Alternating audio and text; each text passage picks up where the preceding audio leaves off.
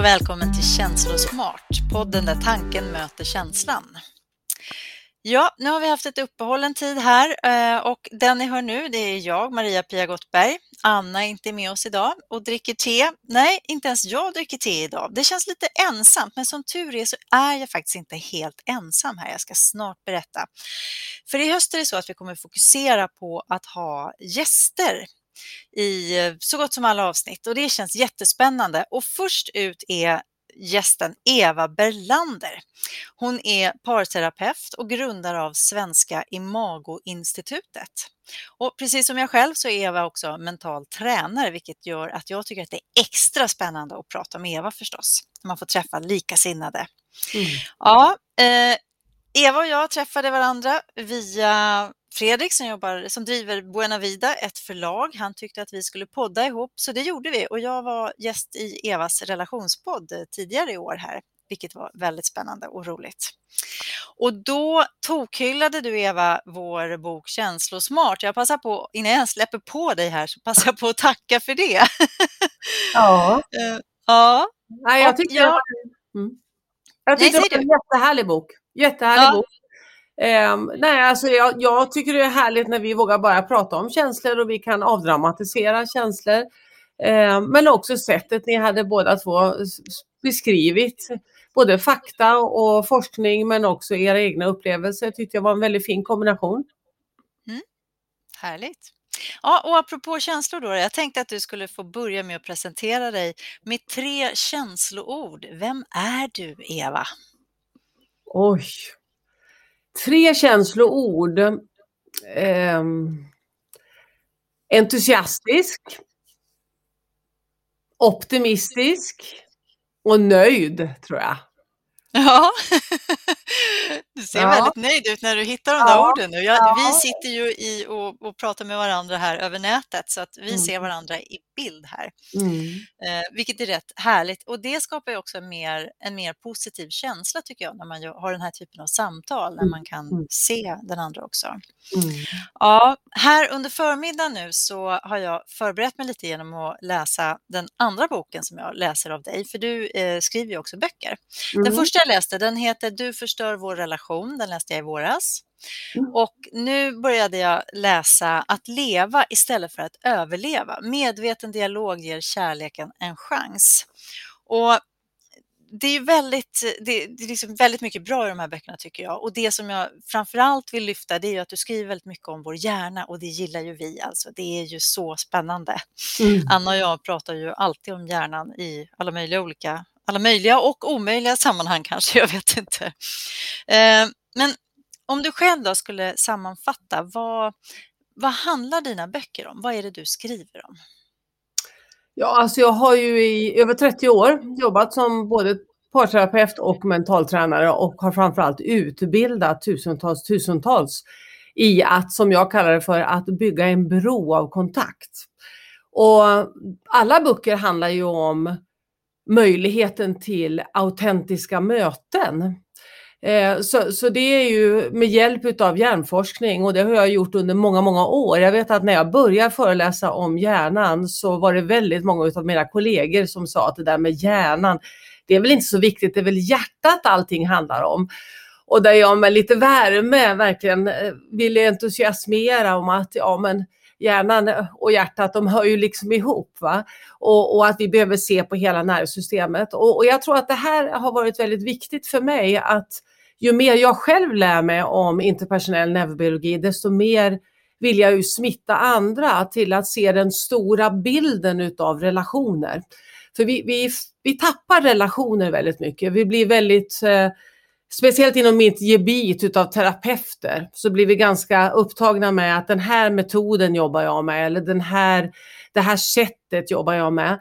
Och, och där jag vill då i motsatsen till det lyfta blicken och säga att okej, okay, vi har massa olika metoder, men det är inte metoden i sig som är viktig, utan det är hur vi använder metoden.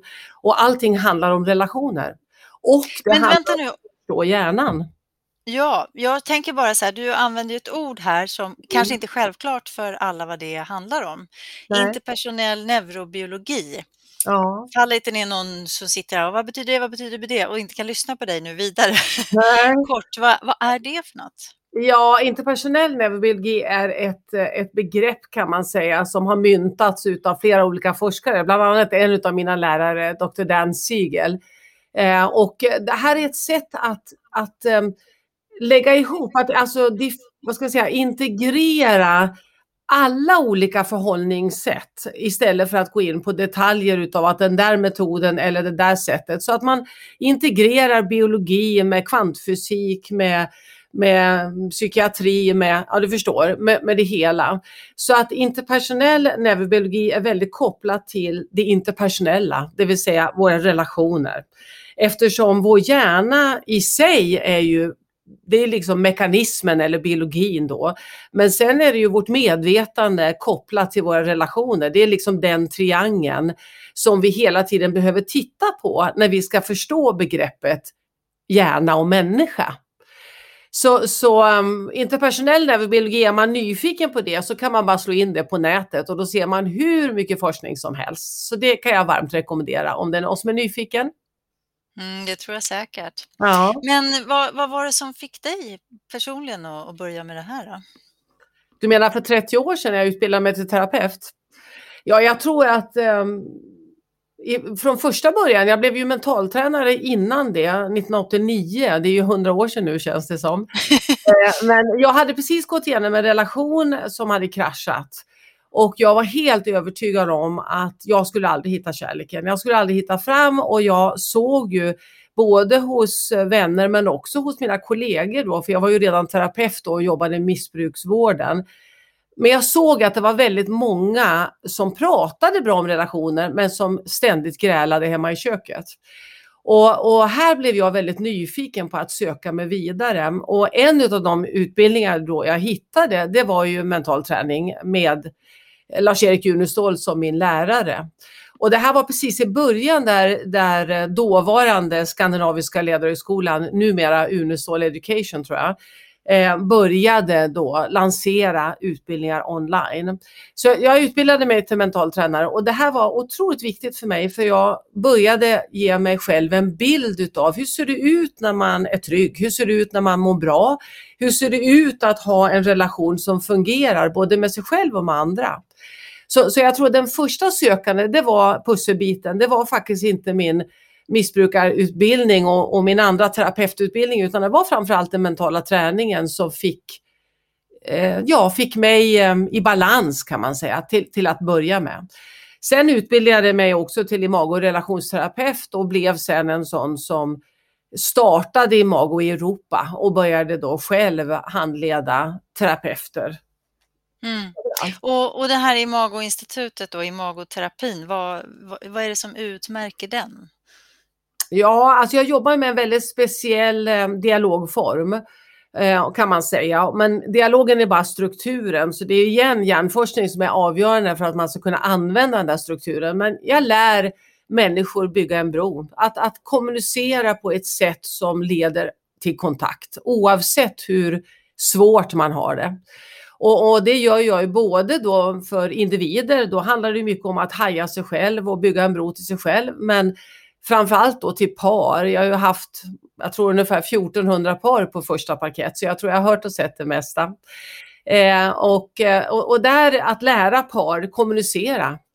Och det där är ju naturligtvis svårt när vi är i kamp som väldigt många av oss är och kanske ibland så skiljer vi oss i onödan. Ibland kanske vi skulle skilja oss snabbare men ofta tror jag vi skiljer oss i onödan för vi har inte verktyg till att lära oss att kommunicera. Sen utbildar jag numera terapeuter väldigt mycket så att jag, jag, det är ju därför jag har skrivit mina böcker och fortsätter att skriva. För att jag vill ju större. Eh, jag vill, jag vill smitta andra som i sin tur smittar andra. Det, mm, det låter ju underbart. Mm. Ja, jag, jag såg i eh, den här att leva istället för överleva så hade du skrivit att gå från maktkamp maktkamp till närhet. Mm. Och den, den eh, frasen den fäste hos mig för att det där kan jag känna igen mig i att i en konflikt med sin partner så, så är det ju verkligen en maktkamp. Det är ja. kanske ingenting som man vill erkänna, för det låter ju inte särskilt snyggt. Men eh, om man tittar sig i spegeln lite grann så visst handlar det väldigt ofta om att man vill ha rätt. Man vill vara den som kommer liksom snäppet över den andra och får lite makt. Och då ja, handlar det ju väldigt ofta om emotionell eh, makt, tänker jag. Ja, Känslomässig manipulation rent av ibland. Absolut, absolut. Men mm. alltså maktkamp i min värld är kamp om makten. Och det, det är ju så att när hjärnan är larmad om fara, då gör vi det bästa vi kan och försöker försvara oss. Och det visar sig väldigt mycket med de som står oss nära. Alltså det är mycket lättare att vara vänlig med en kollega på jobbet än vad det är kanske med en partner eller med sina bar vuxna barn eller vet, små barn eller syskon mm. eller vad det nu kan vara. Alltså de vi älskar och de vi står nära, det är där vi får konflikter. Och, och jag tror att väldigt ofta så tittar vi på yta väldigt mycket. Vi, eh, det ser jag även eh, hos terapeuter som jobbar med par som liksom där, där, par kan gå till en terapeut och så börjar, slutar det med att de grälar nästan ännu mer när de har kommit från terapeuten. Och, och där blir jag ju lite um, upprörd. Det är väl en av drivkrafterna för mig. Det har varit att ja, men, okej, okay, vi måste skapa möten, vi måste skapa kontakt så att det leder framåt. För den där kampen som du beskrev, den kan ju pågå i 40 år. Jag, menar, jag har haft workshops för par i 23 år där tusentals par har varit med på mina kunskapshelger. Och, och, det är fascinerande när jag hör många, många par säger att tänk att vi har varit gifta i 25 år eller vi har varit gifta i 40 år och vi har aldrig riktigt kommunicerat, speciellt inte om svåra saker. Och här, här vill ju jag att vi ska stryka oss på kinden, att vi ska förstå att det där är mänskligt, det är så vår hjärna funkar, att när den upplever fara, då stänger vi ner helt enkelt och så fastnar vi i den där kampen. Och den kan visa sig med hjälp av manipulation som du sa, men det kan ju också vara smälla i dörrar, gap och skrik eller tystnad. Så den, den kan ju liksom visa sig på väldigt många olika sätt. Och, och, och, mm. där har jag försökt med mina böcker ta fram lite humor och metaforer för att vi ska lättare förstå Ja, och det gör ju de, de är ju oerhört lättlästa och väldigt konkreta. Och just det här med metaforer, jag har skrivit upp det här också just för att jag ska komma ihåg, jag får inte missa det för att jag tycker det är så himla bra det här. Dels det du redan har nämnt är att gå över bron. Det är en väldigt tydlig metafor tycker jag. Men sen mm. pratar du också om, jag skulle vilja be dig beskriva vad du menar med det, det stora biblioteket. Det var också en metafor som jag fastnade för. Ja, eh, ja alltså vi har ju, vår hjärna är en associationsbank. Och, och, det gör ju att vi tror ofta att vi ser någonting i nuet för första gången kanske, eller i nuet. Men väldigt sällan är vi i nuet för att vår hjärna kommer alltid associera med allt annat som vi har varit med om tidigare. Och då pratar inte jag så mycket om bra och dåliga barndomar utan det här är liksom hur hjärnan fungerar. Och det gör ju att vi, ständ, vi är väldigt sällan i nuet, vi är nästan alltid i dåtid på sätt och vis för att vi tar med oss alla de här bilderna som jag då lekfullt kallar för bilder, för det är ju inget bibliotek och det är inga bilder. Men det, vi skulle kunna titta på det på det sättet för att avdramatisera det lite jag tror att många gånger så har man pratat om minnen som bra eller dåliga och att det har blivit liksom en vinkel för att nu går du i terapi och nu ska du ha en svår barndom och du ska prata om hur förskräcklig dina föräldrar har varit. Och, och jag vill ju bort från allt det där. Jag vill att vi ska förstå att så här funkar vår hjärna. Det är en associationsbank. Och vi har en mängd olika minnen bland annat det man kan kalla för implicita minnen. Och implicita minnen, det är minnen som vi inte minns att vi minns, men vi glömmer dem aldrig. Så det betyder att vi ständigt får signaler ifrån kroppen om hur vi uppfattar saker och ting baserat på vår dåtid. Och det här lever väldigt tydligt i våra relationer, speciellt när vi är i kamp med någon. Mm, jag känner igen det jätteväl, både för, för mig själv och sen tänker jag också på, på min man, hur han ibland eh, tror att jag har sagt eller gjort någonting för att jag sa eller gjorde det ofta förr. Ja. Och så har det blivit en, han, han tror att det ska komma nu och likadant så vet jag minsann att nu tänker han det här, nu gör han det här, nu kommer han säga det här. Ja. Och, så, och så är man inte i här och nu och verkligen kan möta varandra och så blir det så himla fel många gånger. Ja, nej, men så är det ju och jag menar, jag tror att en, en stor del av min Att leva-bok, den handlar ju om mig och min man Sven. Vi har varit gifta i 28 år, vi är snart inne på 29 år här nu, så tiden går fort. Men vi har verkligen gått ifrån stark förälskelse till mycket svår kamp och eh, vi gick ju till flera terapeuter och det var liksom ingen som kunde hålla oss tror jag. Jag tror det var någon som jämförde oss med två jumbojet som skulle landa på samma landningsbana. det var en bra metafor på hur förskräckliga vi var och hur mycket plats vi tog och vilken kamp det var hos oss. Men sen hade vi turen att jag hade en lärare som jag hade haft eh, Eh, jag, jag, tror ju väldigt mycket på beundran, att de vi beundrar tror jag vi ska liksom förstärka och vi ska smittas av det vi gillar hos andra. Och, och jag hade ju gått en, min utbildning hos en fantastisk terapeut som bodde i Florida. Så Sven och jag, vi bestämde oss ju då att antingen skiljs vi nu eller också så åker vi till Florida. Och då gjorde vi det. Och det räddade vårt äktenskap och det gjorde också att min utbildning blev så otroligt mycket bättre. För att jag liksom inifrån och ut nu kunde börja undervisa, inte bara utifrån. Men var, var det den här imagoterapin? Ja, ja, ja, ja, hon har något som heter encounter therapy, men den påminner väldigt mycket om imagorelationsterapi och hon, hon utbildade också i det. Men, men Hedi var fantastisk och eh, det är klart att när jag som terapeut har haft ett eget jobb utav att jag vet hur det känns att ha det riktigt svårt. Jag, jag, vet hur det känns att stå där och gapa och skrika och inte få en kontakt med min man. Eller min man vet hur det känns att ha en fru som gapar och skriker och gråter istället. Så att jag menar, den, det där att liksom leva någonting, det gör ju oss mycket, mycket bättre på att sen kunna undervisa för andra. Förstår du? Det blir inte bara teorier utan så här ser det ut för oss människor ganska ofta. Mm.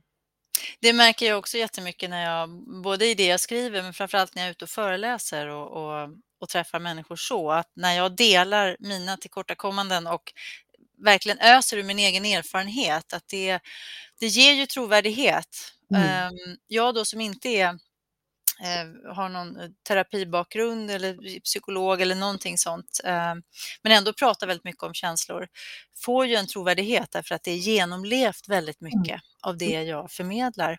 Mm. Och det hänger ju också ihop med, med hela den här biten hur vår hjärna funkar. Ja, men det gör det. Att känna tillit och trygghet tillsammans ja. med någon som, som ja, man får ett förtroende som är så mm. viktigt. Mm. Jag tror att det är det där avgörande som du säger nu, att eh, det är det som gör det lite tokigt för många som då är välutbildade, som får lära sig i sin utbildning att man ska aldrig prata om sig själv eller man ska mm. inte dela med sig av någonting. För att allting handlar om autentiska möten. Och det är klart att ett, ett möte kan inte bli autentiskt. Dels om jag inte känner mig själv. Jag behöver ha gått igenom en del själv och jag behöver ha, ha förstått väldigt mycket om mig själv. Men, men sen är det också att jag behöver se att vi sitter i samma båt. Så, så, den här idén utav att det finns några experter och så finns det andra, den tror jag är eh, någonting vi ska direkt slänga i soporna. För vi, ja. alla, alla har vi känslor. Ja, men det, det, är jättebra att du säger det, för jag tror att det är så otroligt viktigt. För att jag, jag kan också relatera till det, hur det var när jag var yngre framför allt. Och det hör väl till sakens natur också när man är yngre, eh, att man kanske inte har ja, den livserfarenheten som gör att även man, ja, den här att kunna se upp till någon och det är ju fantastiskt och det jag älskar att ha liksom idoler och det kan vara min granne eller det kan vara mm. liksom någon ouppnåelig stjärna som står på en scen. Liksom. Det spelar ingen roll. Men att de har också problem, de har också utmaningar och det, är, det gäller oss alla och jag tror att många gånger vi som väljer att jobba med mänskliga relationer, med känslor, med det här som är utmanande och jobbigt på insidan och emellan oss, gör ju det för att vi har själva utmaningar. Mm. Det, ja, det... Visst är det så, men förhoppningsvis ja. så, så lär vi oss ganska mycket på vägen. För jag tror mm. att ju bättre vi mår, desto bättre lär vi också andra naturligtvis. Va? Men, men jag tänker på det du säger om känslor. Jag gillade er bok väldigt mycket också och jag läser ju väldigt mycket litteratur och har ju många gäster med i, i min podd. Men, men jag, jag tänker att en del som jag jag tror det avgörande i mitt arbete, det är att lära ut hur vi blir sedda på insidan, inte utsidan. Och, och det här är lite knepigt för att på utsidan då kan vi diskutera, argumentera och fastna som jag kallar i, i, i pricken av problem. Alltså vi kan älta ett problem från 10 000 olika håll och vi kommer inte vidare. Utan snarare är det så att det vi förstärker det är den där pricken av problem. Och, och där tror jag att bli sedd på insidan handlar om att vi behöver ära att vi är olika individer Och att när jag hör dig eh, Maria Pia så hör jag ju dig, inte mig. Men, men det knepiga är ju att när jag hör dig så kommer det aktivera någonting i mig. Och nu finns det en risk att det du säger, om du känner eller säger saker som kommer trigga mig, att det då handlar mer om mig än om dig. Hänger du med mig nu? Ja, ja det, det blir lite snurrigt men jag försöker ja, hänga med. Men, men, men, det gör ändå då att vi, vi tittar väldigt ofta på det som är på utsidan. Alltså vi, vi, vi tolkar saker och, och vi fastnar väldigt mycket i orden och, och i det här ytliga istället för att vi hajar varandra på insidan. Och, och mm. insidan är mer utav Dels vad känner jag naturligtvis, men för att man ska höra vad någon känner så måste man också tåla vad den känner. Och det här är lättare sagt än gjort för att om man, om man tar ett par till exempel och ena partnern kanske säger, det här har jag hört många gånger och det är väldigt starkt när en person kanske säger jag skulle vilja prata med dig om att jag älskar dig men jag är inte kär i dig längre. Mm. Och hur den andra då ska kunna höra det här och ta in det och vara närvarande i det utan att gå till sig själv och säga Va? Eller börja storgråta eller bli arg eller vad det nu är för reaktion som kan komma. Så mm. det här är ju det som, som jag behöver hjälpa personer med och det är att närvara hos den andra och till och med kunna säga berätta mer. För, men det... hur gör du det liksom rent konkret? Jag har ju läst i boken lite grann då, men, men berätta lite. Hur, om, om vi tar ett, ett, ett, vanligt case med ett par som kommer till dig. Vad, för det första, vad, vad är bland det vanligaste som man kommer till dig för typ av problem och utmaningar? Jag, jag tror att jag har par som har alla problem, så det, det, det, är väldigt svårt. Men det är klart att det handlar om otrohet, det handlar om vi kan inte kommunicera, det kan, vilket ämne som helst som, som jag då kallar för pricken av problem. Det kan vara pengar, det kan vara sex, det kan vara vilket ämne som helst. Jag tror att det första och viktigaste är att jag hör väldigt lite själva ämnet. Jag bryr mig inte så mycket om ämnet. Mitt jobb är ju att hjälpa dem att höra varandra och att skapa kontakt. Och, och, jag brukar ju leka lite med att om man tänker sig att, att vi stänger kroppsspråket. Jag brukar fråga till exempel par, hur ser du ut när du är ditt värsta jag? Och, och, och, hur ser det ut i kroppen? Och så tittar de ju bort och de stänger då, som jag gör nu, jag stänger mina armar här. Och så tittar de ner och sen så säger jag till dem att okej, okay, så kika upp nu och, och, titta på din partner och säg att hur, hur bra är det här på en skala från 1 till 10? Alltså vad är sannolikheten att ni ska kunna, vi ska komma någonstans? Och, och då är det klart att en viktig del av att förstå neurobiologin det är att förstå att vi är wired for connection, vi är gjorda för kontakt. Men vi är också wired for protection, det vill säga försvar. Och därför måste vi liksom ära försvaret men vi måste medvetet välja att öppna. För att om vi inte är öppna och närvarande så kommer ingenting nytt kliva in. Inget möte, vi, vi, vi får liksom inte tillgång till någonting nytt. Mm. Så, så ett stort jobb för mig det är att skapa trygghet och tillit och undervisa en del om hjärnan och rela, koppla till relationer då så att vi förstår hur vi kan öppna. Men är det så då att du sitter med ett par och sen så är du med dem, hjälper dem vad de ska säga, vad de ska göra, att de ska ta ögonkontakt och så konkret som, som jag uppfattat i boken? Ja, det, det, gör jag. Fast en del är det så att alla som kommer till mig gör först en introduktionskurs online. Man måste göra det för att komma hit och den heter 10 steg mot nya möjligheter. Det, det, är en introduktion där jag lär ut lite 10 steg om just neurobiologi för att, att kunna öppna. Så att de har redan det med sig och de par som är intresserade för att ha förändring, de gör ju den kursen par som säger nej, jag vill absolut inte göra den där kursen. Nej, då rekommenderar jag ofta dem att gå till någon annan. Så de har liksom redan en förkunskap och där ingår ju då min första bok Att leva. Men sen eh, så hjälper jag dem att uppleva känslan utav kontakt och då är jag ju lite som en Eh, vad heter det? Vad heter det sån där i musik som har pinnar? Hjälp dirigent. dirigent. dirigent. Ja, jag är ju en dirigent som, som lotsar dem till att gå till en plats som är möjlig för öppen kommunikation. Så, så det är inte det på något vis att jag tvingar dem till att göra saker eller, eh, lär dem för mycket utan jag lotsar dem kan man säga. Och, och, det som händer med oss som däggdjur det är att när vi känner oss trygga då öppnar vi oss. Så är det bara.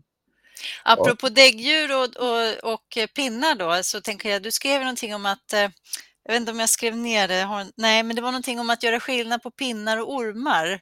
Ja, eh, så att man inte tolkar en pinne som en orm eller en orm som en ja. pinne. Det gäller att liksom ha koll ja. på det där när, när den här impulsen kommer. Liksom. Jag tyckte också att det alltså, var en rolig metafor. Ja, jag gillar att du tycker om mina metaforer, det gillar jag. Eh, alltså du vet, jag är ju dyslektiker så jag tror att det här varit mitt enda sätt att undervisa det är med hjälp av eh, just metaforer. Men jag har ju hört att många, många har fått hjälp av dem för att det blir lite mer humoristiskt i det. Nej men alltså vi är gjorda för försvar och det gör ju att vi kommer på en nanosekund fortare än fortare eh, upptäcka om Eh, Eh, det finns en orm i närheten till exempel. Och jag brukar skoja om det och säga att om vi nu har blivit bitna av en orm och sen ska vi ut och plocka kantareller. Jag menar hur lätt är det för oss att hitta kantarellerna? Nej, det är jättesvårt för hela nervsystemet kommer vara larmat på att tolka varenda kvist, varenda pinne som om det vore en orm och varje mm. prassel i buskarna kommer att bli en orm för vårt inre. Och här blir liksom hela systemet stängt och, hårt och, och vi försöker göra det bästa vi kan. Vi vill undvika ormen så att säga. Och det är klart att här kan vi gå igenom en helt fint skogsparti utan att hitta en enda kantarell. Och det är lite samma sak hos mig i min klinik. att jag, jag jämför kantareller med uppskattning. Det finns oftast hur mycket positiva saker som helst, men vi ser dem inte för vi är så upptagna utav ormen så att säga. Mm. Och det är klart att här är mitt jobb att, att lugna och reglera det så att vi kan ja, börja plocka kantareller helt enkelt och ja. det där positiva. Underbart, nu är det ju kantarelltider också. Ja, men jag, jag tänker att eh, väldigt mycket också, jag, jag, drar också parallellen till det här med stress då i, i en relation, att om en eller båda parter är, befinner sig under stark stress eller stress, det behöver inte vara så himla stark stress, då blir det ju ännu mer utmanande tänker jag att lägga sig själv åt sidan, för då har du förmodligen redan lagt dig själv åt sidan så att du kört över dig själv.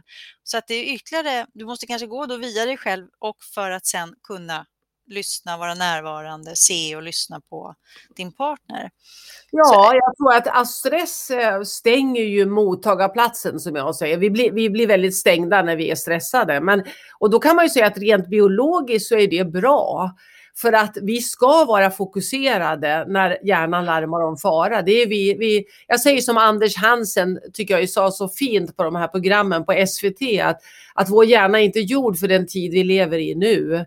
Och, och, det här ska vi verkligen komma ihåg så att vi ska igen stryka oss på kinden och förstå att vi är wired, vi är kopplade så här. Men det är klart att om vi är väldigt stressade så kan vi inte ha riktiga möten.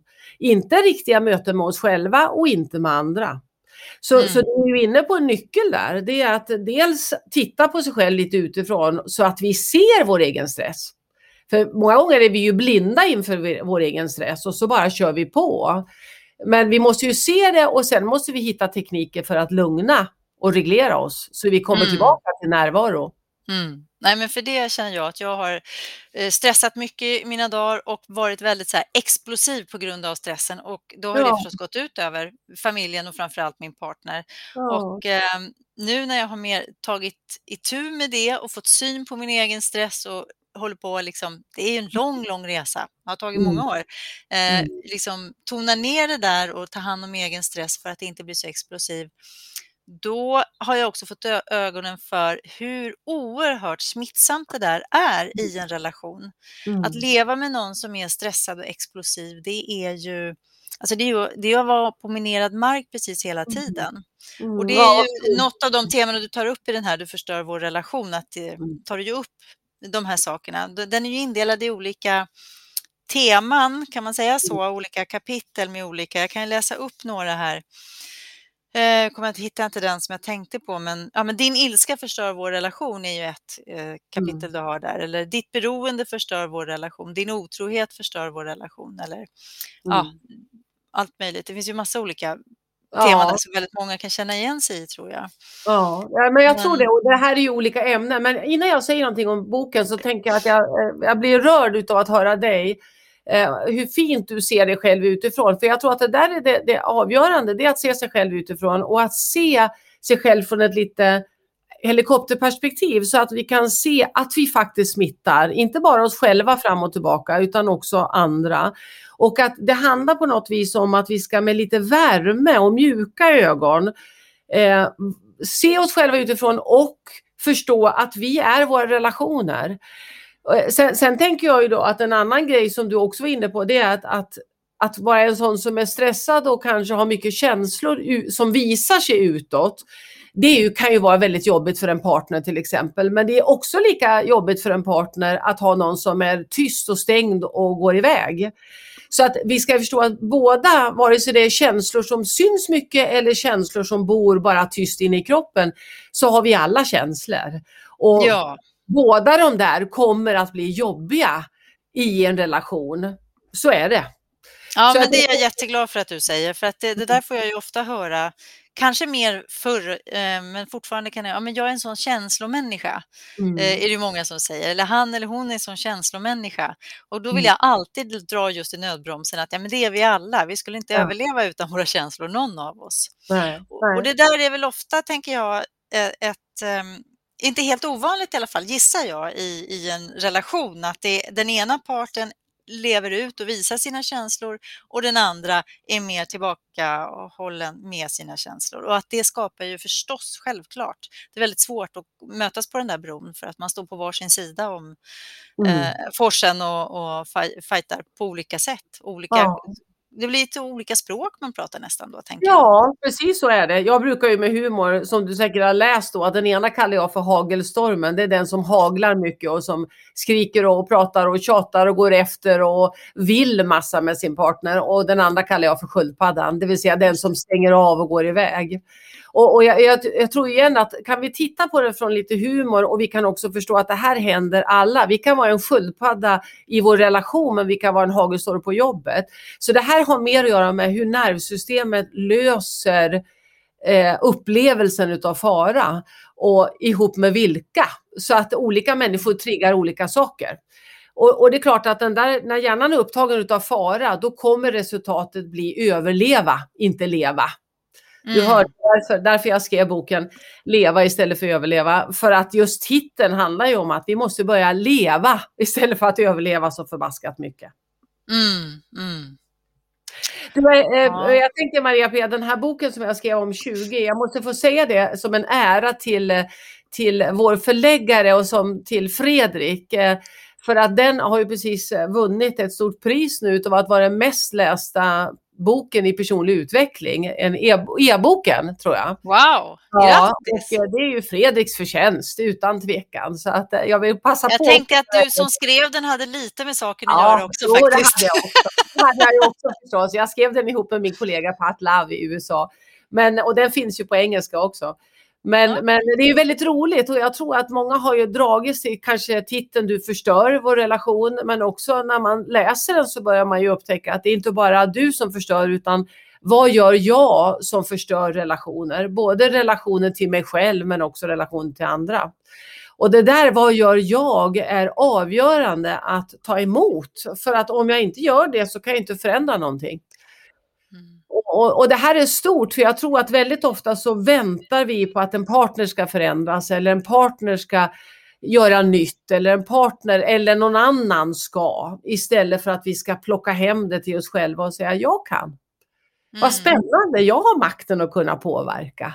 Och, och, den där makten vill jag ju trigga igång. Det gissar jag att det är det ni skriver om i er fina bok också. Att, att vi ska få en lust att vilja säga ja till utveckling. Mm. Och, och, lusten att vi kan faktiskt påverka en jädrans massa. Mm. Ja, men och det gillar jag också i din bok, att du har så här eh, humoristiskt men ändå liksom man andas verkligen det i boken, den här inställningen till att konflikter, det är ju någonting positivt för där mm. kan vi ju utvecklas och växa och närma oss mm. varandra och oss mm. själva. Mm. Och det gillar jag också just där att det, det hela tiden är också handlar om relationen till mig själv. Mm. Och, då, och, det också blir ju, tycker jag, då jätteintressant och skulle vilja att du berättar mer om det. Det skriver du ju också om det här med att vi har ju med oss ett arv från våra, vår egen uppväxt, men inte bara det utan också från faktiskt också våra föräldrars mm. uppväxt. Berätta mm. lite om det. Ja, alltså vi, vi bär ju vi bär ju både explicit då, alltså explicita minnen handlar ju om minnen som vi minns att vi minns. Och implicita minnen är ju minnen som vi inte minns att vi minns, men som vi inte glömmer, men som kan ligga, som jag kallar för in the space, det ligger i, i platsen emellan oss, i, i mellanmänskliga mötet kan man säga. Och det gör ju att små barn, när de växer upp så är det ju inte bara vad föräldrar gör, utan det är också hur föräldrar mår och hur, vad de har med sig ifrån sina föräldrar och hur de mådde till exempel. Men också i vardagliga saker. Jag tänker på Eh, vi går omkring, än idag så går vi omkring med en rädsla för ryssen till exempel och trots att vi i vår generation inte på sätt och vis behöver ha en rädsla, ta i trä, för ryssen. Men, men eh, den finns där för att den finns ifrån, genom flera generationer. Och, och, och, vi ska alltså förstå att både det här med epigenetik, det vill säga att vi kan förändra generna via olika stimulanser kan man säga, men också då att negativa saker då också smittar i generation per generation. Så, så mitt, ja, min avsikt i alla fall, det är att vi ska ta bort skuld och skam. Vi ska tycka det här är våldsamt spännande. Vi ska eh, lära oss det här för att vi ska förstå att vi kan förändra saker för att hjärnan är plastisk. Den är föränderlig. Men, men det där är då ganska avgörande, det är att få kunskap för att annars så har vi en tendens till att göra det vi har gjort förut tänka det vi har tänkt, känna det vi har känt och göra det vi har gjort. Så, så vi måste liksom ta lite ansvar och säga okej, okay, interesting, funkar det här som jag gör? Och hur vilar det här liksom ifrån min mamma till min mormor till min farmor eller vad det nu är för någonting, farfar, morfar och vilka det nu är. Mm. Så det, det är ju stort. Ja, nu har jag stort... kommit igång. Nu har jag kommit ja, igång. Ja, men jag hör det. Ja. Nej, men jag tänker när jag lyssnar på dig då, där kommer ju verkligen mentala träningen in som ett bra verktyg för mig ja. som individ. Och mm. jag tänker även i en parrelation. När min mm. man och jag höll på, vi, alltså vi tränade ju mentalt tillsammans. Mm. och eh, utbildade oss tillsammans inom både mental träning, coachning och eh, NLP, neurolingvistisk mm. programmering. Och det var ju väldigt utvecklande för oss i vår parrelation. Att, mm. Så att inte bara den ena gjorde en personlig utvecklingsresa utan vi var på den, båda var och en på sitt sätt, mm. men mm. vi hade ju det som ett levande samtal och vi fick ju jättemycket sköna verktyg mm. och eh, kunde ja, ta, ta till. Jag vet, vid något tillfälle var det någon kompis som sa att men kan inte ni bråka som vanligt folk? Måste ni prata er igenom era konflikter så där välvårdat? Ja. ehm, och det var klart att eh, vi har haft en hel del osnygga eh, konflikter också. Mm. Och det mm. tror jag, det känns nästan lite sunt att ha det, tänker jag. Ibland är det som att det kan vara alltså att man kan rensa luften lite grann. Så ja, länge man också absolut. kan mötas och ta hand om det efteråt på ett bra sätt. Absolut. Att, um... absolut. Men jag kan ju tänka mig att det måste ha varit skönt både för er två att ni fick verktyg som, känd, som ni kände fungerade men också att ni då delade dem, att ni gjorde det tillsammans. För det är klart att det blir ju en form av intimitet utav att, att, um, ja, att tillsammans göra olika saker som leder till ett nytt mål så att säga, eller till en ny plats. Jag tror mm. att det är det jag ser hos par som går workshopen. Eh, det är ju att man hör liksom samma material samtidigt. Däremot kan man ju med värme säga att vi är olika personer så att vi kan ju höra samma mening men uppfatta det helt olika. Så, att, eh, så det där ska vi också ta med lite humor. Men, men det är klart att det blir ju en fantastiskt fin resa gissar jag för dig och din man att ni, ni fick nya verktyg. Ja. Men berätta lite om den här workshopen, för jag, jag, tänk, alltså, jag känner ju mig själv rätt. Jag tänker idag är det fredag. Till middagen redan kommer jag berätta om min, för min man om det här samtalet och att det finns ja. en workshop. Och då är det bra att jag och lyssnarna vet lite mer om den. Vill du berätta? Vad, vad får man ja, det... om man anmäler sig till den? Ja, det är en kunskapshelg som jag kallar det för. Det är en workshop för par. Den är väldigt trygg. Ehm, det är inte så att man sitter som par och berättar liksom för varandra så mycket, utan man är där tillsammans med sin partner. Just nu så har jag den på Varbergs kusthotell. Jag har haft den över hela, ja egentligen hela världen. Jag har haft den i 23 år överallt och många gånger hade jag den i Stockholm tidigare. Men nu har jag den på Varberg, i Varberg. Men det är en fantastisk helg där ehm, jag blandar mycket kunskap eh, som jag hoppas att jag presenterar både autentiskt och, och med humor och värme om just hur, hur kommunikation fungerar och hur relationer fungerar i stort. Och sen lär jag par att eh, bygga en bro. Så att par får ju se eh, när jag har demonstration då med frivilliga par och det är alltid kö på det eh, där man får bygga den här bron och det är väldigt berörande att se att vi kan prata om egentligen vilket ämne som helst när vi vet hur vi ska göra det. Och sen är, är det god mat och, och, det är ju liksom en kärlekshelg för par trots att det kan vara par som kommer som är skilda. Det är ju också psykologer som går med sin kollega eller med sin, eh, bara för att de vill lära sig metoden då som jag jobbar med eller sättet jag jobbar. Men det är också par som har det bra tillsammans som går, som bara vill ha det bättre och par som har det riktigt, riktigt svårt tillsammans. Så det är alla, alla former tror jag mm. utav par som närvarar. Mm. Hur många deltagare är det på helgen? Ja, just nu i coronatider så har jag försökt hålla nere antalet för att vi inte ska sitta för nära. Men normalt så brukar det vara ungefär 20 par. Nu, nu kommer jag nog hålla nere det, så kanske vi blir 13 par eller något sånt där för att inte smitta varandra i den här fjärde vågen. Ja, Man precis. får ju hålla det uppe lite. Ja. Ja. Men, men kan vem som helst anmäla sig till den eller måste man ha gått den här webb varianten först? Går det. det finns de som går och anmäler sig utan att överhuvudtaget ha hört någonting om mig innan, utan de kanske har bästa vänner som har gjort den och så. Mm. Det är ju mm. väldigt många som har gått den nu, så att det är ju många som, du vet, jag brukar ju skoja till exempel om att säga en konflikt så spännande. Det är liksom en mening som återkommer. Eller jag brukar säga att vi behöver sätta ett hjärta runt oss själva. Och, och, det är väldigt roligt nu att det är så många som har gått så att ibland när det har varit par på middagar så säger de Åh, en konflikt, så spännande! Och har ni också varit hos Eva Belander och gått workshopen? Så att nu har den ju spridit sig efter så många år. Men vem som helst kan gå den, men man måste gå tillsammans med någon annan. Man kan inte mm. gå själv. Nej. Så att eh, det, det, är liksom ett teamwork att göra den. Mm. Och den här webbvarianten då? Jag tror att det är inte bara jag utan flera är nyfikna på den också. Berätta lite kort om den. Ja, alltså dels är det så här att, att eh, workshopen har jag haft i 23 år och det var ett visst antal par som fick plats på den och det var ju också svårt för många som kom långt ifrån, man bodde i Norrland eller vad det är, att komma ner till den här helgen. Eh, och jag hade då några som ville så gärna själva men som inte fick med sig sin partner. Och då kommer jag ihåg vad vår eh, mentor eller vår lärare Lars-Erik Unostål hade sagt en gång för hundra år sedan då när jag gjorde den mentala träningen att lära sig online är super. Så jag tänkte okej, okay, jag gör en distansutbildning som egentligen innehåller kan man säga samma typ av material som workshopen men den är online. Och så jobbar jag med ett par online som jag då visar dialogen fast på skärm så här som du och jag nu har.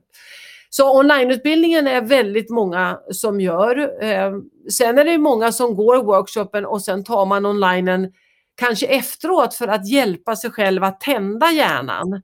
För det är ju alltid sådär, man åker iväg på en helg så är allting så fint på helgen och så kommer man hem och så är det måndag igen. Mm. Och då, då, vet jag att det är många som har sagt efteråt att gud vad glad jag är att jag tog onlinen också för att det hjälpte mig att komma tillbaka till det där tillståndet utav närvaro igen. Så att eh, många gör kombinationen. Mm. Och jag tycker det låter superspännande. Jag ska absolut, jag ska absolut ja, ta det här med min man känner jag. Ja, du är så välkommen. Du är så välkommen Men jag så. tänker att alla, egentligen oavsett, eh, alltså, i alla långvariga relationer så är det väl bra att ta ta stöttning, ta inspiration, ta konkret hjälp om man behöver eller så. Ja, vi har gått i terapi några gånger, eh, inte varit så supernöjda egentligen, med, med den terapiformen eller de terapeuterna, men ändå så där, ja, men det känns som att det är bra att göra det. För ja. det är ju, alltså vi gick ju från den här enorma häftiga förälskelsen som var mm. himlastormande och sen mm. på ganska kort tid så blev vi föräldrar och, och mm. kastade oss in i Någonting mm. som skiljer sig väldigt mycket ifrån den där härliga känslan från början.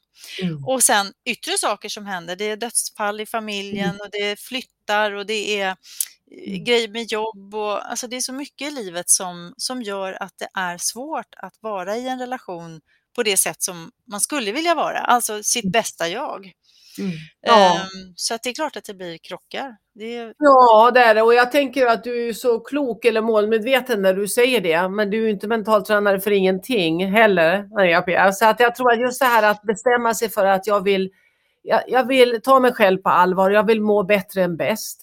Och det finns otroligt mycket bra där ute. Precis som er bok är väldigt bra och jag hoppas att många säger att mina böcker är bra, så finns det oändligt mycket material, både online och böcker och workshops och kurser och allt det här. Det är upp till oss alla tror jag att se den där godispåsen och liksom ta det vi behöver för att stärka oss. Och sen så tror jag ju att, att om vi upplever att vi går till en terapeut eller coach som vi kan liksom känna det här känns inte bra, då ska vi lägga av med det. Vi, vi, ska, vi, vi ska lita på den känslan och sen ska vi hellre söka vidare. För det finns väldigt mycket duktiga terapeuter och väldigt många som inte är bra, tyvärr. Så är det ju med alla yrken. Ja, med allt, precis. precis. Ja. Ja, hör du, jag tänker att vi eh, nu, vi skulle kunna prata hur länge som helst, eh, som vi ja. gjorde också när jag var gäst i din podd. Eh, men eh, känner, är det någonting som du, eh, innan vi rundar av, känner att ja, men det här skulle jag vilja ha sagt, det här är viktigt om man ska känna till dina böcker, dina kurser eller Eva Belander, vem är du och vad du kan göra och så? Oj. Um, nej, alltså jag, jag känner en stor vördnad, en, en tacksamhet Ehm, och, och, en vördnad över att vi alla måste välja våra vägar. Och jag, jag, hoppas ju att den som lyssnar ska känna att ja, man, vare sig man lyssnar på, på min podd, då, på Evas relationspodd eller på den här podden som du och ni har, eller på någon annan podd, att man ska säga ja till att öppna den där mottagarplatsen alltså det jag kallar för att vara öppen och mottaglig och, och, se, träna på att se kantarellerna och njuta av kantarellerna. Och när man inte kan det för att man, man har fastnat i det där med kamper och eh, svårigheter, att man tar emot hjälp om man behöver det. Mm. Eh, eh och, och, att vi ska liksom stryka oss på kinden för att eh, menar, emotionell smärta kan ju jämföras med fysisk smärta.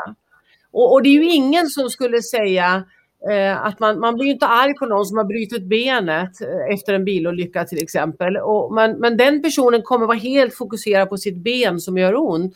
Och samma sak är det med emotionell smärta, att den gör oss ganska självupptagna och, och i ett tunnelseende. Men det är så hjärnan funkar. Och då ibland kan vi behöva någon antingen att hålla i hand eh, som en terapeut eller coach för den delen eller en kompis, en vän men ibland så kan det räcka med en podcast eller en bra bok eller någonting annat som liksom hjälper en lite till att öppna kroppen igen mm. för att börja aktivt göra det som faktiskt leder framåt. Mm. Ja, det där, det där lät som en jättefin avslutning tycker jag. Jag är otroligt glad att jag fick prata med dig igen och att ja. våra lyssnare nu får ta del av ja. dig. Och eh, vi upprepar igen Evas relationspodd för dig som vill höra ännu mer av Eva. Och mm. var hittar man dig annars? Har du en webbsida? Ja, eh, Svenska Imaminstitutet eller evabelander.com. Mm. Eh, och där hittar man alla våra distansutbildningar och, och böcker eller vad det nu kan vara. Men ja. jag skulle vilja passa på också Maria och säga tack till dig. Dels eh, väldigt kul att ha med dig i podden och jag ser fram emot att vi har fler ämnen som vi kan dyka ner i. För jag, jag tror verkligen att, att, tillsammans så skapar vi en bättre värld. Och det är både du och jag, men det är också alla som lyssnar. Att, att vi alla liksom tittar och säger vad, vad kan jag bidra med? Hur kan jag vara mitt bästa jag? Inte bara för mig själv utan också för att världen har lite ont. Och vi behöver hjälpas åt. Ja. Vi behöver verkligen hjälpas åt och vi kan det. Yay! Vi kan jag blir faktiskt helt rörd när du säger det. Vad kan jag bidra med och att världen har lite ont? Det där gick rätt in i hjärtat. Det är så mm. viktigt. Så är det. Vi håller kontakten. Stort ja, tack Eva. Tack själv.